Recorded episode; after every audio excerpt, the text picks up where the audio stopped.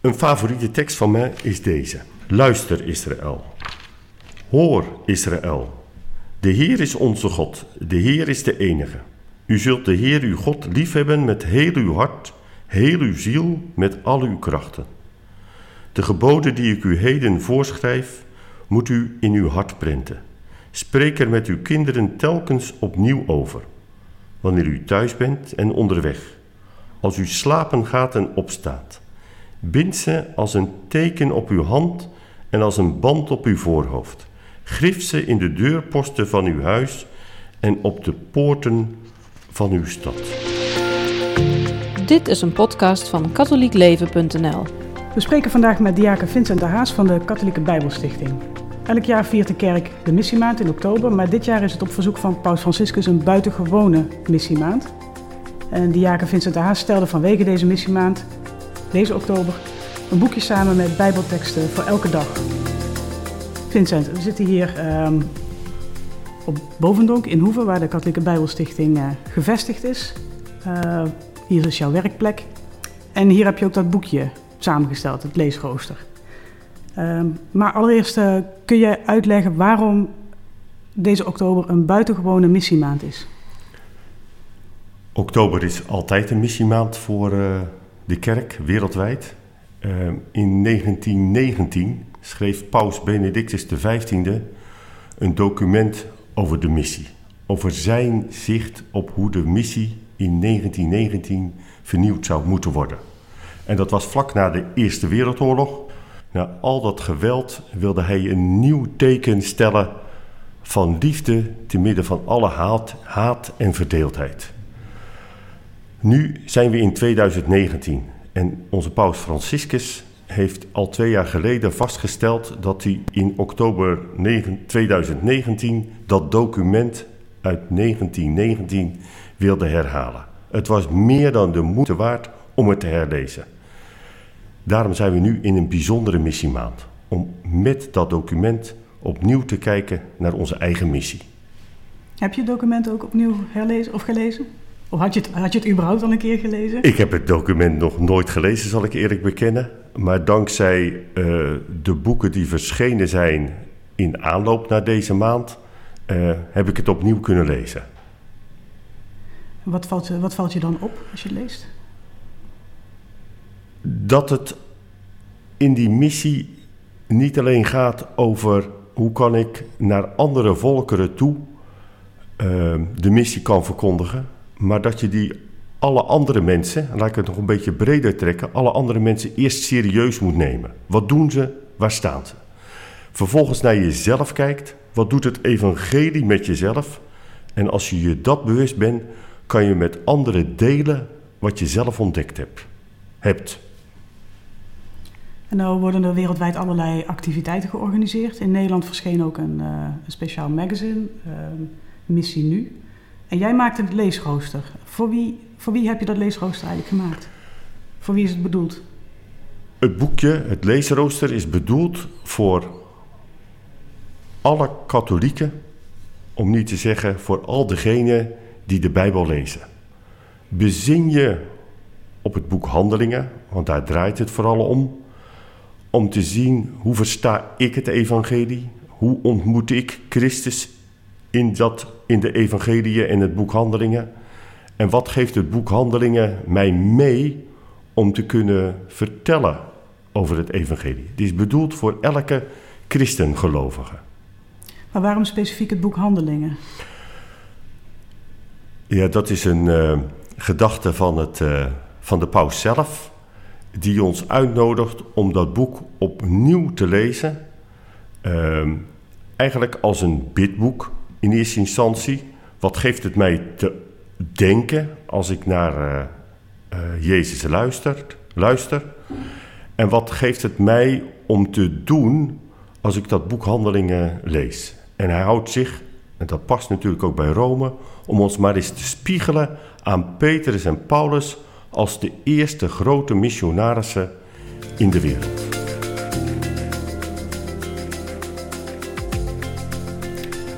Maar dan uh, zeg je eigenlijk meteen iets interessants. Want Petrus en Paulus, als eerste missionarissen. Uh, van Paulus weten we dat hij uh, veel reizen maakte. Die trok erop uit.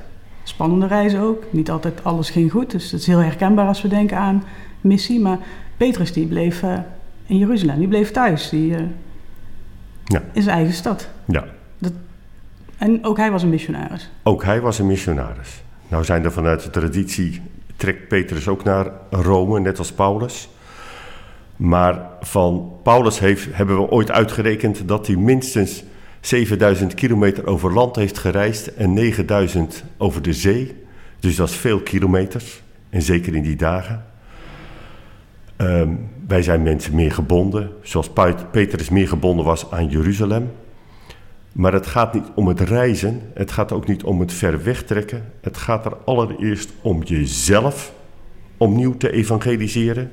Wat betekent dat wat Jezus tegen mij zegt.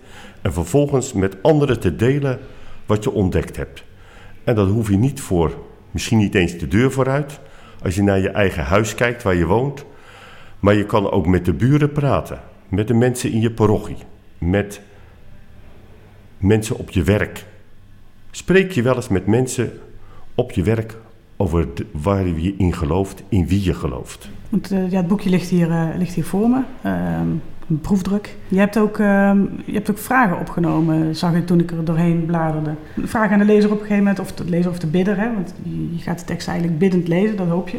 Dus durft u in het proces te stappen en u af te vragen... wat heb, wat heb ik de afgelopen maand geleerd over en van Jezus? Eh, wat zing ik van mijn geloof uit en wat deel ik ervan met anderen? Dat soort vragen zitten ook in die, ehm, bij, bij die teksten. Die heb je bewust opgenomen. Die heb ik heel bewust opgenomen. Ik volg een beetje de methode van de Lectio Divina. Die de mensen uitnodigt om in die tekst te stappen en te luisteren welke vragen de tekst aan jou stelt. Nou, ik heb een aantal van die vragen die de tekst aan mij stelt op papier gezet. En dus geëxpliciteerd. En ehm, zo hoop ik eigenlijk dat mensen al medita- mediterend tot bewustzijn komen. Hoe werkt dat nu toch in mij? Dat ze zich bewust worden van wat, er, wat het evangelie met jezelf doet. En dat was natuurlijk ook mijn vraag. Van, eh, als je die vragen opneemt in het boekje aan de lezer, eh, hoe werkt dat dan voor jezelf? Maar ik begrijp nu uit je antwoord, wat je zegt, het zijn eigenlijk al vragen die de teksten aan jou hebben gesteld toen je ermee bezig was. Ja. Eh, Ja. Nou ja, wat, wat is dan het antwoord op de, op de vraag van eh, wat, eh, wat, wat deel ik van mijn geloof met, met anderen? Vanuit de ontmoeting met Christus? Ja, voor mij is het iets gemakkelijker. Ik ben diaken in de kerk. Dus ik mag in gesprekken met mensen vaak delen hoe Jezus tegen mij aanpraat, laat ik het maar even zo zeggen, vanuit het evangelie. Ehm, maar ik mag natuurlijk ook in de vieringen nog wel eens de verkondiging doen, waardoor ik ook kan delen met mensen. Het evangelie roept mij op tot, nou, puntje, puntje, puntje. En dat deel ik met de mensen die daar zitten in de kerk. Allereerst spreekt het evangelie naar mij. En van wat ik dan ontdek, kan ik dat delen met mensen. Nou, dat is wel de toon die in dat boekje ook zit. Ik ontdek mensen en ik wil dat graag delen met anderen. Kun je daar een voorbeeld van geven ook? Nou, wat ik, maar dat is al heel wat jaren geleden.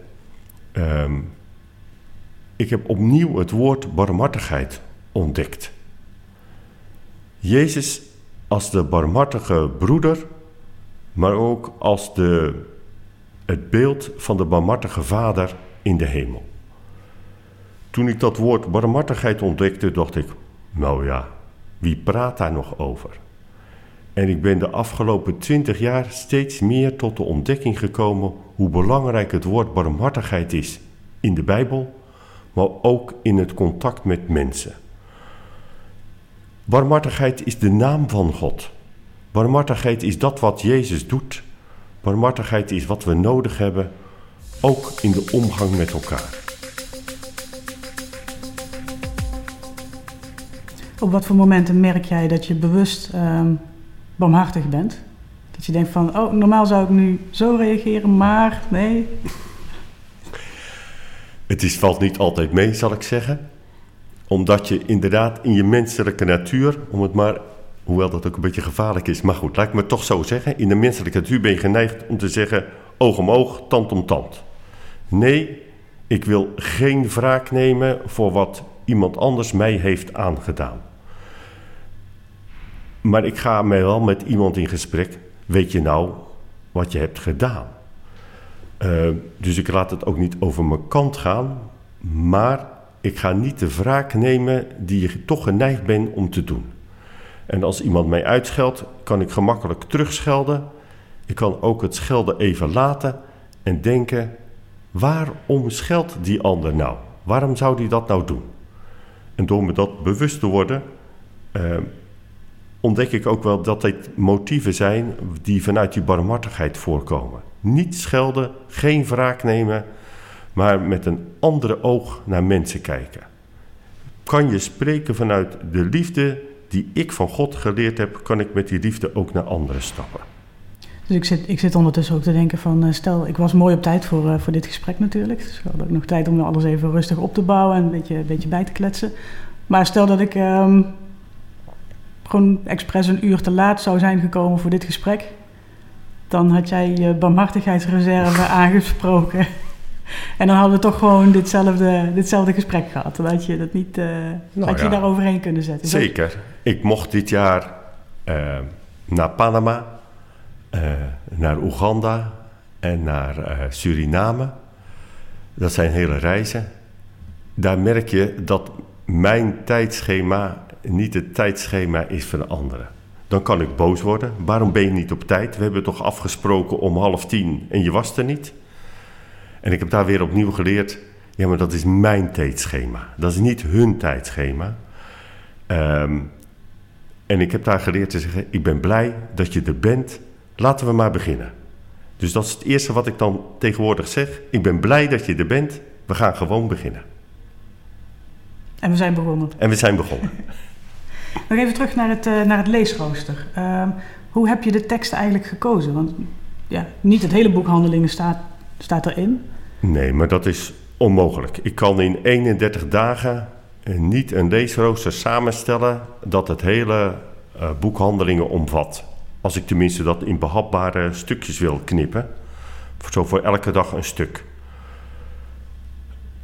Waar ik ben begonnen is met de roeping. En daarbij is de basis uh, Abraham als echt de roeping die voor elke mens geldt. Hoe kan jij een zegen zijn voor anderen? Uh, en daarna ben ik inderdaad gaan spiegelen aan de teksten die over Petrus en Paulus gaan. En die mij leren, hoe hebben zij nou hun missie opgebouwd? Wat hebben ze, waartoe zijn ze geroepen? Dat is natuurlijk het allereerste.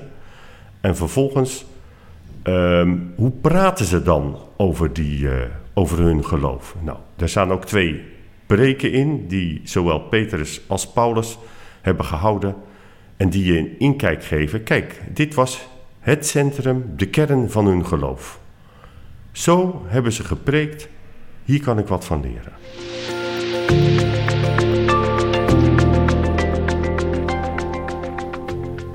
En als je dan kijkt naar hoe de missie toen ging en hoe missie uh, nu gaat, is het, is het dan eigenlijk het, hetzelfde? Het gaat over hetzelfde, het gaat over dezelfde principes, uh, het gaat over dezelfde persoon Jezus. Of um, zijn er toch dingen anders? Dus hoe, bruikbaar zijn die teksten als je ze, als je ze leest? Want de wereld is natuurlijk ook wel weer veranderd in die 2000 jaar. De wereld is enigszins veranderd. Kijk, dat is ook een groot verschil met wat ik net noemde, die reizen naar Oeganda en Panama en Suriname, waarin het geloven in God veel vanzelfsprekender is dan we in West-Europa kennen waar dat veel meer onder druk staat, hoe durf je nog te geloven in God? In die zin moeten we anders preken, verkondigen, catechese doen, met mensen in gesprek gaan, maar de basisvragen blijven wel hetzelfde. We zitten in een eindeloos universum op een uh, kleine stip ergens in een uithoek. Ben je een toevaltreffer of heeft God je met een doel op deze aarde gezet? En dat is een vraag die elke mens zal moeten beantwoorden en die we in het licht van Jezus, ik denk, tot een liefdevol antwoord kunnen maken.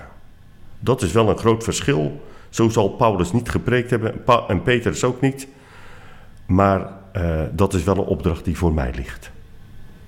En je thematiseert de, het, typische voor, voor, onze situatie nu, dus de secularisatie toch wel. Uh... De secularisatie is natuurlijk is, is echt heel ver gegaan. Als we ons realiseren dat 60 of meer procent van de Nederlanders niet meer kunnen geloven in God als een persoon, dan hebben we nog heel wat te doen. Wat, wat hoop jij als Bijbelman van deze missiemaand? Wat ik hoop, uh, we lezen niet zo gemakkelijk in het boek Handelingen. Uh, we doen dat in de paastijd. Maar ik merk aan predikanten dat ze het boek Handelingen vaak links laten liggen. Ze, praten wel over het, ze spreken wel over het evangelie, maar niet over dat boek Handelingen. Terwijl het ons zoveel te bieden heeft wat we in deze tijd kunnen doen. Juist door je te spiegelen aan iemand als Paulus en ook aan Petrus, leer je dat je soms verder moet kijken dan de grenzen die je voor jezelf ontmoet hebt. Wij kennen allerlei grenzen. Wat durf je, wat durf je niet? Uh, en Petrus leert over zijn eigen grenzen heen te stappen door naar een Romein te trekken die, aan wie hij het evangelie moet uitleggen. Paulus durft over zijn eigen grens heen te stappen door zijn visioen wat hij krijgt. En vervolgens leert hij dat hij niet in Jeruzalem of in Damascus of in Antiochië moet blijven, maar heel de oostelijke kant van het Middellandse uh, uh, zeegebied daarheen mag gaan. Dat hoeft niet voor ons, dat hele gebied. Wij hoeven niet naar weet ik veel wat op de wereld. Maar we mogen wel die grens overtrekken van wat durf ik vanuit mijn eigen situatie. En ik denk dat je dat heel goed vanuit het boek Handelingen kan leren. Dat hoop ik te bereiken.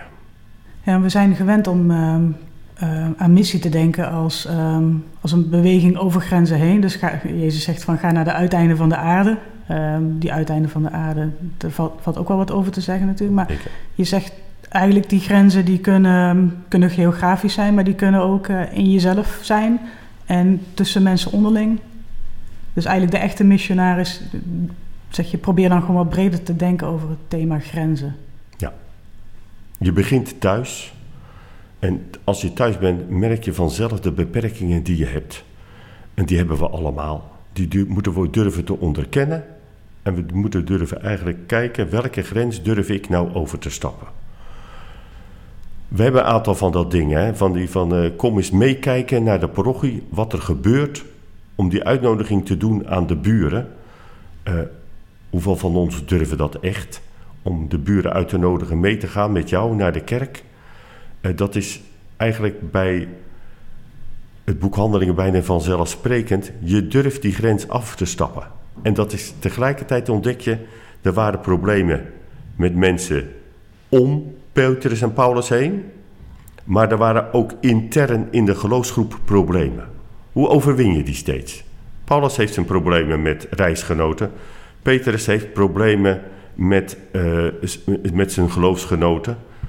Uh, dat geeft ons een beeld, het gaat niet vanzelf. Je, je ontmoet weerstand buiten en je moet weer, ontmoet weerstand binnen. Ja, leer daar maar mee omgaan. En kies dan een weg die past bij die liefde die Jezus ons heeft gegeven vanuit God. En ik vond nog een mooie, mooie zin in het, uh, in het leesrooster. Um, als het gaat over de inspiratie van Petrus en Paulus voor, voor ons nu. Is eigenlijk dat je zegt van door, de, door hun verkondiging, waarvan je kennis kunt nemen door de Bijbel te lezen, kun je zelf ontdekken hoe de Heer, hoe de Heer ons in dienst neemt. Dus ontdekken wat onze zending is en hoe wij in de wereld kunnen getuigen van ons geloof in Christus in daden en in woorden. Dus is eigenlijk de Heer neemt ons in dienst zoals die Petrus en Paulus in dienst heeft genomen. En daarom, en daarom moeten we die Bijbel op een bidden, biddende manier lezen. Ja. Nee, uh, elke mens heeft een eigen roeping. Ik vind het mooi ook van de catechismus van de katholieke kerk. Die begint niet, roeping is alleen priester of diaken of bisschop of religieus. Roeping is voor elke mens. Word eerst maar jezelf en God neemt jou in zijn dienst om een instrument te zijn van zijn liefde in deze wereld. Maar daar zijn we ons misschien wel te weinig bewust van. Dat we allemaal een instrument zijn van die liefde van God in de wereld. En dat doe je niet alleen. We zijn lichaam van Christus. Dus dat betekent dat we ook die dingen samen doen. In je eentje red je dat niet. We zijn geroepen tot een gemeenschap van gelovigen. Ja, het zijn nog stappen die we opnieuw en weer opnieuw en steeds weer opnieuw moeten maken. En ik denk dat het tijd is dat we die stem van God opnieuw horen. Doe het met elkaar en wees je bewust dat je een instrument bent in mijn handen.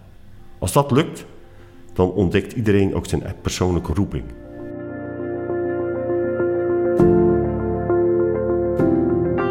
Dit was een podcast van katholiekleven.nl. Bedankt voor het luisteren.